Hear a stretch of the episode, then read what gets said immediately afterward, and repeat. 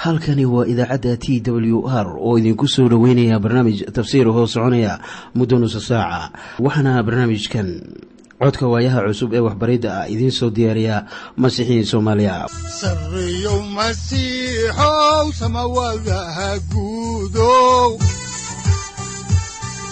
Siraadkii adduunkow subanaha eebow sareyow masiixow samawadaha guudow siraadkii adduunkow subanaha eebow adigoo samaada jiro ifkaan soo saldhiganba adigoo samaada jiro ifkaan soo saldhiganba kutubtiisanaye udanogu saaciiday sharxin sifahaaga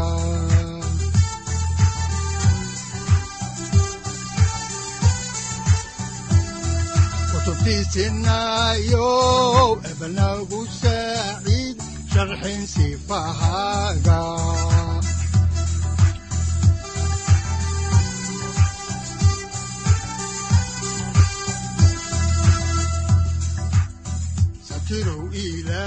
ku soo dhowaada dhegaystayaal barnaamijkeenna dhammaantiinba waxaan horay u sii ambaqaadi doonnaa daraasaadkii la magac baxay baibalka dhammaantii. Waxaannu caawa idiin sii wadi doonnaa injiilka sida yooxanaa uu u qoray cutubka afraad oo aannu uga gudbi doonno kan shanaad balse aynu haatan wada dhegaysanno qhasiidadan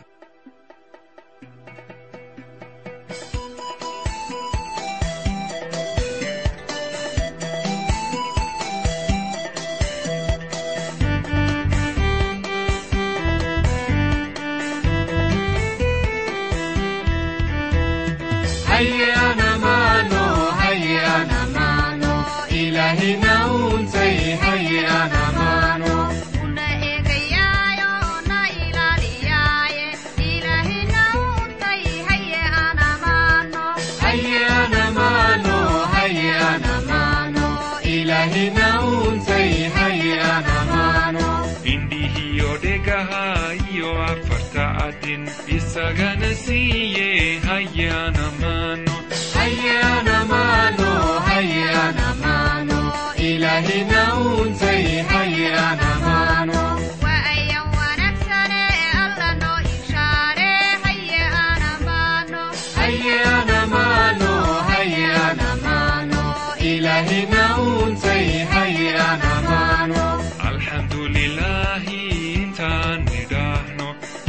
ilahina fiican hayana mano hayana mano hayana mano ilahina untay hayana mano intii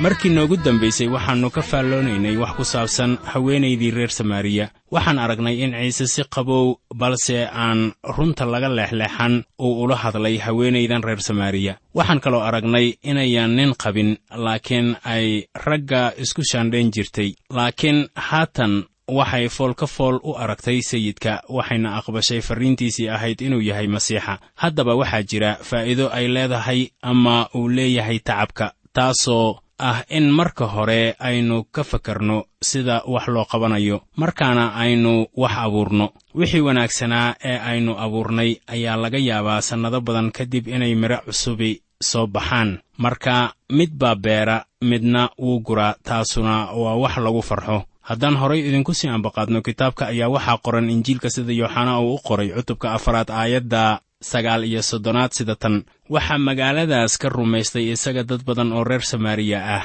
hadalkii naagta aawadiis. Markay marag furtay oo ay tidhi wuxuu ii sheegay wax walba oo aan sameeyey. Haddaba dad tiro badan ayaa hadalka ku rumaystay samaariya iyadoo ay ugu wacan tahay haweenaydan wakhtigeedii hore aannu wanaagsanaan jirin.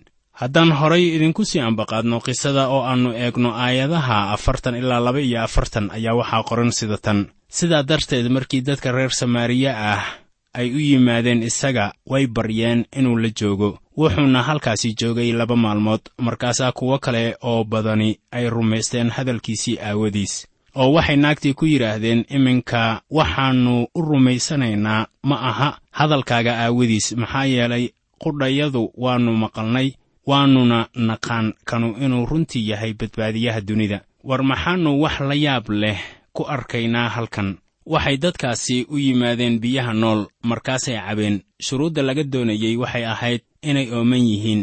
Haddaba garan maysid inaad ooman tahay ilaa aad garato inaad tahay dembiile saaxib ishaaciya ayaa dadka u sheegaya iyadoo ruuxa quduuska ahi uu hoggaaminayo sida tan. Ku qoran kitaabkii ishaaciya cutubka shan iyo kontonaad aayadda koowaad. Wuxuuna ku odhanayaa sida tan. Hooy kuwiinna ooman oo dhammow xagga biyaha kaalaya xataa kii aan lacag haysanow kaalaya oo wax iibsada oo wax cuna. Kaalaya oo kamri iyo caano lacagla'aan iyo iibla'aan ku qaata. Sayidkeennu isla sidaas ayuu mar kale innaga inoo casumayaa marka uu leeyahay sida ku qoran injiilka sida yooxana uu u qoray cutubka toddobaad aayadda toddoba iyo soddonaad oo leh maalintii u dambaysay oo ahayd maalintii weyneed ee ciidda. Ciise ayaa istaagay oo qayliyey isagoo leh haddii qof uun harraado ha ii yimaado hana cabo biyaha nolosha. Waxaa leh qof walba laakiin shuruudda waxay noqonaysaa in qofkaasu uu ooman yahay. Badanaa reer samaariya way u wada yimaadeen oy ka cabeen. Isla sida ay raggii badnaa ee reer samaariya ugu yimaadeen ciise kadib markii haweenaydii reer samaariya ay ugu marag furtay inay aragtay masiixa. Ayaa maanta dad badani ay ugu imaanayaan masiixa isla sidaas oo kale. Bilxaqiiqa waxay noqonaysaa in qof dad kale uu u geeyo masiixa. Da'yar fara badan ayaa waalidiintoodu ay wacan yihiin oo hoggaaminta waalidka ayaa kuwo fara badan oo dhallinyaro ahi ilaah ugu imaanayaan. Laakiin waxaa suurowda inay wakhti dambe halkii ka soo dhacaan.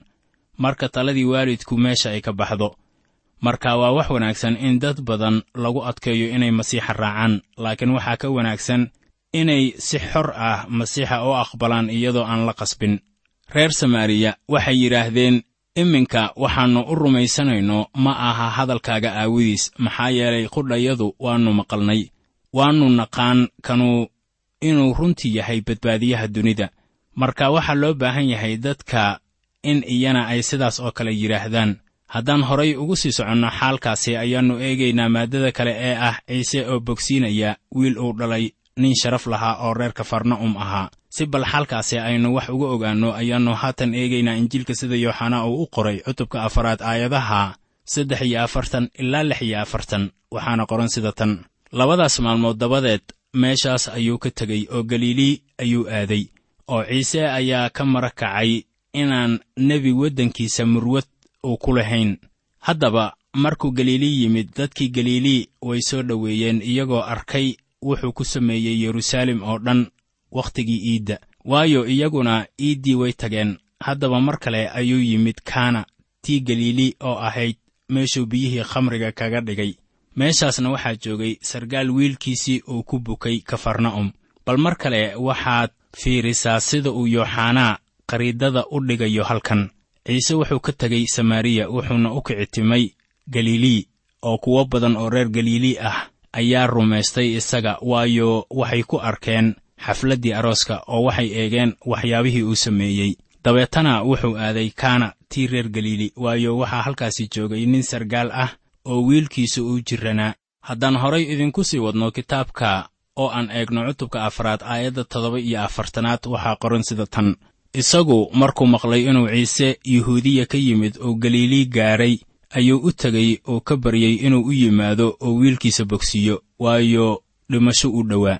Waxaa halkan jooga aabba muujinaya rumaysad wiilkiisa dartii. Waxay tanu markaa sharaxaysaa shay aynu lahayn oo ah inaad marka hore xaqiiqsato in dhallaankaagu xidhiir la lahaado ciise masiix. Markaa tan ahmiyadda leh waxay tahay in aabbuhu uu u keeno wiilkan masiixa waxaan u malaynayaa inaan leennahay xaqa ah in yaryarkeenna aan u keenno masiixa. Haddaba saaxiib haddii aad waali tahay xusuuso inay qasab kugu tahay inaad xoog ku yeelato nolosha dhallaankaaga. Haddii uu yahay mid wanaagsan iyo haddii kaleba haddaba ninkii sargaalka ahaa wuxuu u yimid ciise oo wuxuu weyddiistay inuu soo raaco oo bogsiiyo wiilkiisa oo gaarsiisnaa heer dhimasho. Haddaan horay idinku sii ambaqaadno kitaabka oo aan ka eegno injiilka sida yooxanaa uu u qoray cutubka afaraad aayadaha siddeed iyo afartan ilaa konton waxaa qoran sida tan. Haddaba ciise wuxuu ku yidhi haddaanaad calaamooyin iyo yaabab arkin marnaba ma rumaysan doontaan. Sargaalkii wuxuu ku yidhi sayidow kaalay intaan wiilkaygu dhiman. Ciise wuxuu ku yidhi soco wiilkaagii waa nool yahay markaasaa ninkii u rumaystay hadalkii ciise uu ku yidhi wuuna socday. Ninkan wuxuu horay uga cawday inaannu eegaynin calaamado iyo yaabab. Wuxuuna doonayey in wiilkiisan uu u caafimaado. Taasaa isaga muhiim u ahayd. Ciise wuxuu ka jawaabay rumaysadkii ninkan. Waxaana bogsaday wiilkii. Taasuna waa wax wanaagsan. Waxaanan qiyaasayaa inuu masiixa hor keenay markii uu bogsaday. Haweenaydii reer samaariya inkastoo ayan naag wanaagsan ahayn ayay haddana hor keentay rag fara badan ciise masiix hortiisa. Haddaan horay idinku sii wadno kitaabka oo aan eegno aayadaha konton iyo kow ilaa konton iyo laba ee cutubka afaraad waxaa qoran sida tan. Intuu socday ayaa addoommadiisii ka hor yimaadeen iyagoo leh wiilkaagii waa nool yahay markaasuu wuxuu iyagii weyddiiyey saacadduu ladnaaday waxay ku yidhaahdeen. Shalayto saacaddii tobnaad ayaa qandhadii ay daysay. Waa dhib badan tahay in la xaqiijiyo wakhtiga uu yooxanaa halkan inoogu sheegayo kan uu ahaa. Marka la eego wakhtiga reer rooma tanu waxay noqonaysaa ugu dhowaan toddobada fiidnimo. Haddaan horay idinku sii wadno kitaabka ayaannu ku soo gunaanadaynaa cutubkan afaraad aayadaha saddex iyo konton ilaa afar iyo konton. Waxaana qoran sida tan. Markaasaa aabbuhu uu gartay inay saacaddaas ahayd saacaddii ciise uu ku yidhi wiilkaagii waa nool yahay. Markaasaa isagii qudhiisu u rumaystay iyo kuwii gurigiisa joogay oo dhan haddaba tanu waa calaamaddii labaad oo ciise sameeyey markuu yuhuudiya ka tegey oo galilii yimid. Haddaba ninkanu wuxuu dadkii gurigiisa joogay oo dhan u sheegay inay masiixa rumaystaan. Waxay ahayd inay rumaysad ahaan isaga ku kalsoonaadaan laakiin ninkan wuxuu dadkaasi ku adkaynayaa inay masiixa rumaystaan haddaba mucjiso ayaa halkan loo isticmaalayaa calaamad waana calaamaddii labaad. Haddaan intaasi ku ekayno cutubkii afraad ayaannu haatanna idiin bilaabaynaa cutubkan shanaad. Oo mawduuca aynu uga hadlaynana uu yahay ciise oo bogsiinaya nin teendhadiisu ay uga dhisnayd wartii bedsayda waxaana taasoo ay noqonaysaa calaamaddii saddexaad. Markaana cutubkan shanaad wuxuu ina keenayaa dhacdo la yaab leh oo lagu daaweynayo nin curyaan ah oo joogay warta bedsayda dabcan markaan dhanka kale ka eegno dhacdadan ayaannu soo gaarnay meel muhiim ah marka ay joogto hawsha masiixa. Sida aad arkayso mucjisooyinkan uu samaynayo ayaa keenaya naceeb iyo xumaan loo qaado oo welibana ka hari maayaan cadowgiisu ilaa ay saaraan iskutallaabta waxaannu ku bilaabaynaa inkastoo aynu dib u soo noqon doonno cutubka shanaad aayadaha lix iyo toban ilaa siddeed iyo toban waxaana qoran sida tan. Sidaa aawadeed yuhuuddu ciise way silciyeen maxaa yeelay wuxuu waxyaalahaa sameeyey sabdidii laakiin ciise wuxuu ugu jawaabay aabbahay tan iyo iminka ayuu shaqeeyaa aniguna waa shaqeeyaa. Sidaa aawadeed ayaa yuhuuddu aad u sii dooneen inay dilaan sababtu ma ahayn sabdidii uu jebiyey keliya laakiin waxay ahayd inuu ilaah ugu yeedhay aabbihiis iyo inuu isagu ilaah iskala mid dhigay. Soo arki maysid dagaalku wuxuu ka yimid maalinta sabdida. Umana ayan cafinin wixii uu sameeyey maalinta sabdida. Waxay kaloo ku nabcaadeen markuu yidhi sida ku qoran injiilka sida markos uu u qoray cutubka labaad aayadda toddoba iyo labaatanaad oo leh sabdida waxaa loo sameeyey dadka aawadiis oo dadka looma samayn sabdida aawadeed. Haddaba mucjisada uu sameeyey sayidkeennu ayaa xaqiiqa ahaan iyaga ka dhigay inay qalbiyadooda geliyaan shirqool lagu dilo ciise. Waxaa kaloo sabab u ahaa markii uu yidhi ama laga sheegay inuu yahay wiilkii ilaah waxaa jira in wadaaddada qaar ee aan muxaafidka ahayn oo furfuran ay aaminsan yihiin in baibalku aannu dadka baraynin rabbaaninimada masiixa. Garan maayo waxa dadka caynkaas ahi ay ka hadlayaan. Waxaan dareensanahay in dadka caynkaas ah ay indhala yihiin iyo inay daacaddarro ku dhaqmaan. Haddii aad ka hor timaado sayid ciise masiix waxaad ka hor imaanaysaa kitaabka baibalka oo dhan.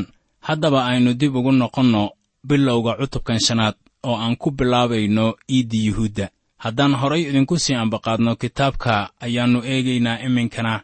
Cutubka shanaad aayadaha kow ilaa saddex. Waxaana qoran sida tan. Waxaas dabadeed waxaa jirtay iiddii yuhuudda oo ciise ayaa yeruusaalem u kacay. Waxaa yeruusaalem jirtay albaabka idaha agtiisa war biyo ah oo af cibraani lagu yidhaahdo betsayda oo leh shan balballadood meelahaas waxaa jiifay dad badan oo buka oo indhala oo lixaadla oo curyaan ah. Waxay sugayeen biyuhu inay dhaqaaqaan.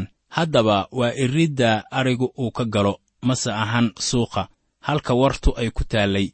Magaca wartaa ayaa ka micno noqonaya marka la eego afka cibraaniga guriga saytuunka amase guriga naxariista. Waxay wartu lahayd shan balballadood waxaana balballadahaasi fadhiyey dad aad iyo aad u fara badan. Haddaba waxaa halkaasi joogay dad curyaamiin ah haddaba inkastoo ay curyaamiin ahaayeen haddana waxay ahaayeen dad muhiim ah. Mid ka mid ah kuwii curyaamiinta ahaa ayaa soo jiitay ciise masiix. Kuwo kalena way u imaan lahaayeen waayo iyaga oo dhan muhiim bay u wada ahaayeen isaga. Aayadda afaraad ee cutubkan ayaad mooddaa inaannu macnaha sida la doonayay ugu jirin aayadda marka aan sidaan leennahay ayaynaan rumaysnayn in qorniinku uu qaldan yahay. Bilxaqiiqa waxaan rumaysannahay saxiixnimada qorniinka. Ha yeeshee aynu idin akhrinno aayadda afraad ee cutubka shanaad. Waxaana qoran sida tan maxaa yeelay malaa'igta rabbiga ayaa marar warta ku soo degi jirtay oo biyaha qasi jirtay oo kii ugu horgala biyaha markii la qaso dabadeed wuu ka bogsadaa cudur kasta ee uu qabo haddaba fasiraadda laga bixiyey wixii curyaamiintu halkaasi ay u joogeen ayaa ah in malaa'igta rabbiga ay biyaha qasi jirtay. Waxaan markaasi rumaysanahay in dad badan oo ka dhibaatoonaya cudurrada cilmi nafsiga la daweeyey. Waxaa haddaba jira kuwo badan oo iyaga oo kale ah kuwaasoo maanta ay bogsiinayaan kuwa isku sheegay inay rumaysad wax ku daweeyaan. Waxaa kaloo laysweyddiin karayaa in weligoodba si joogto ah loo daweeyey.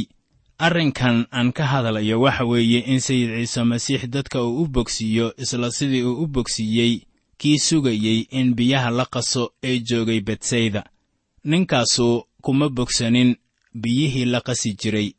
Haddaan eegno qisada ayaa waxaa ku qoran injiilka sida yooxanaa uu u qoray aayadda shanaad ee cutubka shanaad sida tan oo waxaa meeshaasi joogay nin siddeed iyo soddon sannadood bukay waxaa haddaba dareenkana loo weeciyey ninkan jirranaa soddon iyo siddeedda sannadood. Markaa garan mayno inuu soddon iyo siddeedda sannadood joogay halkaasi iyo in kale waxaase laynoo sheegay inuu bukay soddon iyo siddeed sannadood. Waxaan markaasi leeyahay wuxuu ahaa ninkii ugu marxaladda xumaa ee halkaasi joogay. Waxaad ka fakartaa sidii xaaladda ninkan miskiinka ah ay u liidatay inkastoo laga yaabo inuu siddeed iyo soddonka sannadood halkaasi joogin ayaa haddana waxaa laga yaabaa inuu joogay halkaas sannado badan. Abbaaraha wuu ka weyn yahay sannadaha la sheegay inuu bukay oo xaaladdiisa waxaa sabab u ahaa dembigiisa. Aayadda afar iyo tobanaad ayaa sayidka rabbiga ahi uu leeyahay bal eeg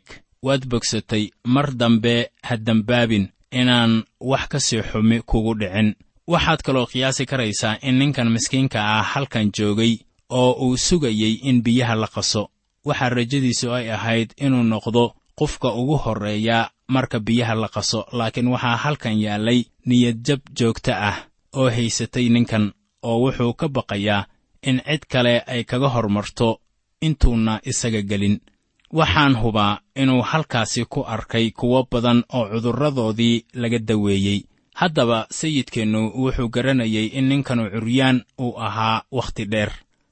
Bal waxaad ogaataa sidii uu ugu soo dhowaaday ama uu ula hadlay. Waxaannu taasu ka eegaynaa injiilka sida yooxanaa uu u qoray cutubka shanaad aayadda lixaad waxaana qoran sida tan. Markii ciise uu arkay isagoo jiifa uu gartay inuu wakhti dheer bukay. Wuxuu ku yidhi ma doonaysaa inaad bogsato. Haddaba su'aashaasu waa mid ka yaabinaysa ninkan buka.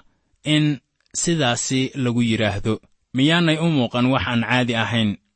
Dabcan su'aashaasu waa mid aan caadi ahayn. Wuxuu doonayey in uu bogsado laakiin sayidku laba asbaab ayuu su'aashan u weydiiyey.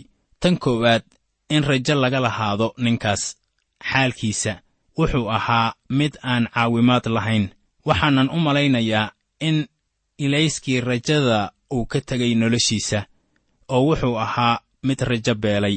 Tan labaad ee uu u weyddiiyey su'aasha ayaa iyana waxay ahayd sida tan waana tan ugu ahmiyadda weyn leh in ciise uu doonayey inuuna biyaha warta indhaha ku taagin oo ciise wuxuu doonayey inuu isaga soo eego. Waxaan u malaynayaa in ninkan aannu arag qof weligii soo kor istaagay. Welibana wuxuu had iyo goor indhaha ku hayn jiray warta. Markaasaa sayidkeennu su'aal uu ku tuuray uu ku yidhi ma doonaysaa inaad bogsato? Waxaan u malaynayaa in markii su'aashaasi la weyddiiyey uu kor u eegay isagoo is odhanaya su'aal noocee ah buu ninkanu ku weydinayaa jawaabtiisu waxay ahayd dabcan waan doonayaa inaan bogsado laakiin tan aan doonayey waxa weeye inaan helo qof biyaha igu rida marka la qaso.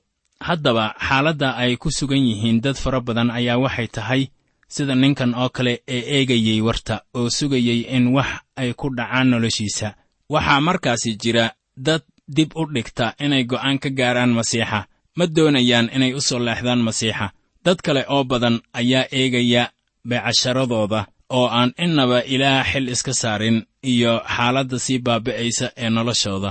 Waxaa habboon in marka hore laga fakaro ilaah oo masiixiisa la aamino haddaba badankood waxay indhaha ku hayaan waxyaabo ay la tahay inay faa'iido ugu jirto. Waxaa haddaba bawlos uu ku leeyahay reer tesalonika sida tan ku qoran warqaddii koowaad ee qowmiyadaas uu u qoray. Cutubka koowaad aayadda sagaalaad waxaana qoran sida tan waayo iyaguba waxay ka warramaan wax nagu saabsan oo ah sidaannu idinku soo galnay iyo sidaad sanamyadii uga jeesateen oo ilaah ugu soo jeesateen inaad u adeegtaan ilaaha nool oo runta ah. Waxaan haddaba hubaa haddaan ku soo noqonno ninkan curyaanka ah qisadiisa inuu kor u eegay uu la yaabay qofka su'aashaasi oo kala weydinaya. Haddaan horay idinku sii ambaqaadno injiilka oo aan eegno aayadda toddobaad waa cutubka shanaade ayaa waxaa ku qoran sida tan. Ninkii bukay uu u jawaabay uu ku yidhi sayidow nin ma lihi inuu warta igu rido markii biyaha la qaso laakiin markaan imaado mid kale ayaa iga horgala. War maxaa qabsaday ninkan miskiinka ah? Waxay u muuqataa in ninkan aannu lahayn cid arxan u gelaysa oo wuxuu ahaa nin goonijoog ah. Waa tii soomaaliduba ay tidhi baryo badan iyo bugto badanba waa laysku nacaa waxaan markaasi arkaynaa in ninkan ay dadkiisii isaga tageen waayo wuxuu jiranaa siddeed iyo soddon sannadood. Ninkan wuxuu ciise ku yidhi waan doonayaa inaan bogsado laakiin ma jirto cid igu ridda warta marka malaa'igtu ay qasto. Laakiin ciise masiix ma uusan doonaynin inuu ninkaasi geliyo warta. Wuxuuse doonayaa inuu halkan ka diro. Markaana isla markii uu indhaha saaray sayidka ayaa wax la yaab leh noloshiisa ay la soo gudboonaadeen. Haddaan horay idinku sii wadno kitaabka oo aan eegno haatan injiilka sida yooxanaa uu u qoray cutubka shanaad aayadda siddeedaad ayaa waxaa qoran sida tan. Markaasaa ciise wuxuu ku yidhi kac oo sariirtaada qaado oo soco. Wuxuu ku yidhi istaag oo sariirtaada qaado oo soco. Waxay ahayd inuu booskiisa siiyo qof kale oo halkaasi joogay. Waxay ahayd inuu sariirtiisa qaato haddaan horay idinku sii ambaqaadno injiilka oo aan eegno aayadaha sagaal ilaa saddex iyo toban waxaa qoran sida tan. Markiiba ninkii waa bogsaday wuuna qaatay sariirtiisii uu socday. Maalintaas waxay ahayd sabdidii sidaas daraaddeed yuhuuddu waxay kii la bogsiiyey ku yidhaahdeen waa sabti oo xalaal kuuma ahaa inaad sariirtaada qaadatid. Laakiin wuu u jawaabay oo uu ku yidhi kii i bogsiiyey ayaa igu yidhi sariirtaada qaado oo soco oo waxay weyddiiyeen oo ay ku yidhaahdeen yuu yahay ninkii kugu yidhi. Sariirtaada qaado oo soco. Kii la bogsiiyeyse ma uu aqoonin kuw ahaa. Waayo ciise waa tegey. Maxaa yeelay dad badan ayaa meeshaasi joogay. Waxaa taasi xigay iyadoo qolyihii mucaaradka ahaa ay ninkan ku eedaynayaan inuu sariirtiisa qaatay maalin sabdi ah. Waa hagaag taasuna waa caddaynta sheegaysa in maalin sabdi ah la bogsiiyey miyaad haddaba qiyaasi karaysaa sida ay u dhib badnaayeen culimmadan. Markii ninkanu u qaatay sariirtiisa maalin sabdi ah sayidkeennu wuxuu u muuqdaa inuu isticmaalay hab mucjiso ah inuu halkaasi kaga dhex baxo dadkii badnaa maalintaas. Waayo ma ayan garanaynin kan ninkan bogsiiyey maalintan sabtida. Haddaba haddaan horay idinku sii ambaqaadno qorniinka waxay inoo sheegayaan aayadaha afar iyo toban ilaa lix iyo toban ee cutubka shanaad sida tan waxaas dabadeed ciise wuxuu isaga ka helay macbudka oo uu ku yidhi bal eeg waad bogsatay mar dambe ha dembaabin inaan wax ka sii xumi kugu dhicin. Markaasaa ninkii uu tegey wuuna u sheegay yuhuuddii inuu ninkii bogsiiyey ciise ahaa. Sidaas aawadeed yuhuuddu ciise way silciyeen maxaa yeelay wuxuu waxyaalahaasi sameeyey sabtidii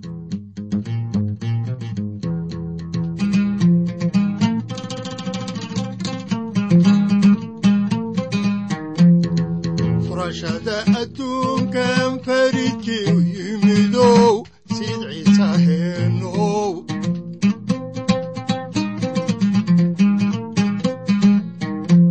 furashada adduunkan faridkii u yimidow sid ciise heenow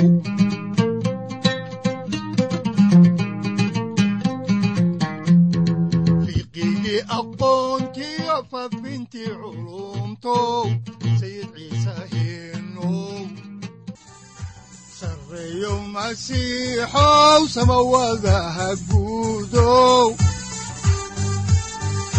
siraadkii adduunkow subanaha eebow adigoo samada jiro ifkan soo saldhiganba adigoo samada jiro ifkan soo saldhiganba udbanogu saaciiday halkani waa t w r idaacadda t w r oo idinku leh ilaa ha idin barakeeyo oo ha idinku anfaco wixii aad caawi ka maqasheen barnaamijka.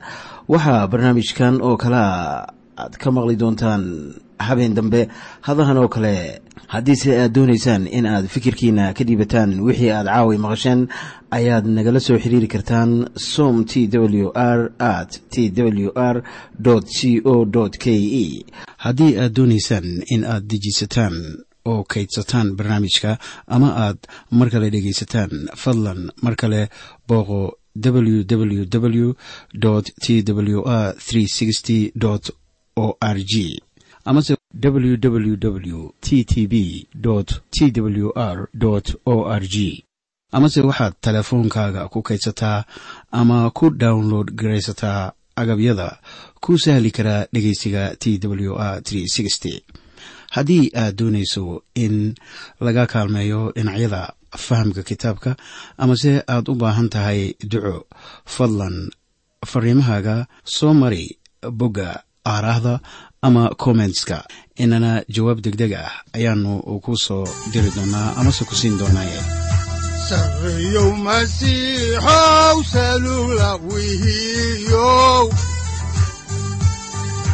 Saacadda timid dhulka sabada ku dhalatiyo